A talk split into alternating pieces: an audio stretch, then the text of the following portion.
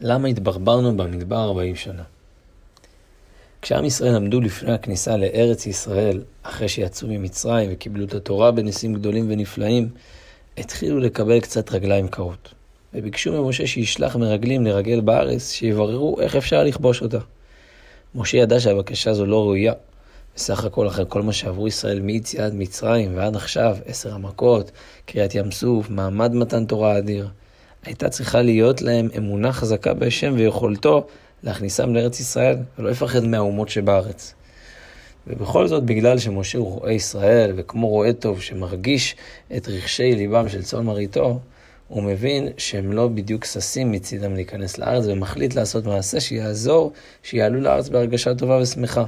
הוא פונה אל השם בבקשה לשלוח מרגלים לארץ. והשם משיב, שלח לך, כלומר, לדעתך, אני איני מצווה אותך. הלוא כבר אמרתי להם שארץ ישראל היא ארץ טובה, זבת חלב ודבש, ואם עדיין הם רוצים רגלים, זה נתון לדעתך. ומשה אוסף את האנשים הכי מובחרים בעם ישראל, 12 ראשי השבטים, וישלח אותם משה לתור את ארץ כנען.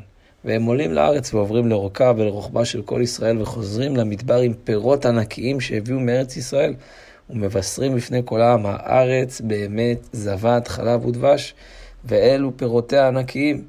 אבל כשם שפירותיה ענקיים, כך גם העמים שעליה ענקיים וחזקים באופן לא טבעי, והערים בצורות עד כדי כך שאפילו שהשם עוזר לנו, לא נוכל לעלות ולכבוש את הארץ. והעם התחילו לבכות כל הלילה ולהתלונן שהיו צריכים להישאר במצרים, ואיך הוציאו אותם לחינם ממצרים, ועכשיו הם תקועים במדבר והולכים למות בו. השם מסתכל על הבכייה הזו בעין לא טובה, כחיסרון באמונה, במיוחד אחרי כל הניסים שהיו עד עכשיו, וגזר שהדור הזה לא ייכנס לארץ, אלא רק הדור שאחריהם, וככה נשארנו במדבר במשך 40 שנה. שימו לב למשהו מוזר. משה שלח מרגלים לכאורה כדי שיחוו את דעתם על מצב הארץ, ואחרי שהם אומרים מה שבאמת חושבים, כועסים עליהם. התשובה היא שמשה שלח מרגלים לטור את הארץ, כמו תיירים, כדי שיגידו לעם כמה הארץ טובה. ולא שיביאו חוות דעת צבאית על כיבוש הארץ. וזו הייתה הטעות, שהם הוסיפו מה שלא ביקשו מהם. ואיך ייתכן שבאמת המובחרים שבם, ראשי השבטים, לקו בכזה חוסר ביטחון בהשם? התשובה היא שראשי השבטים באמת היו אנשים במעלה הרוחנית הגבוהה ביותר, וזה עצמו מה שגרם להם לפשל. כי בזמן ההוא במדבר עיקר העיסוק של עם ישראל היה ללמוד את התורה שזה עתה ניתנה, ולהתעלות ברוחניות. ללא צורך להתאמץ בשביל פרנסה, היה להם לחם מן השמיים. וגם המון מצוות שמכריחות את האדם להתעסק עם העולם הגשמי, הם עדיין לא קיימו. הם ידעו שכשייכנסו לארץ המן יפסיק, ויצטרכו לחרוש ולזרוע כדי לאכול לחם מן הארץ, וגם יהיו הרבה יותר מצוות שלא ישאירו זמן לתורה הרוחנית. ולא הצליחו לדמיין איך אפשר להישאר יהודי רוחני מצד אחד, ומצד שני מתעסק בכל ענייני העולם הגשמי.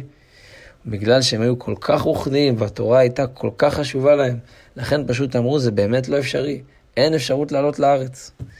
אבל האמת היא שזה מה שנדרש מכל יהודי בעולם הזה, לחבר את הרוחניות אה, עם הגשמיות, וכך לגלות את השם בתוך העולם שלנו.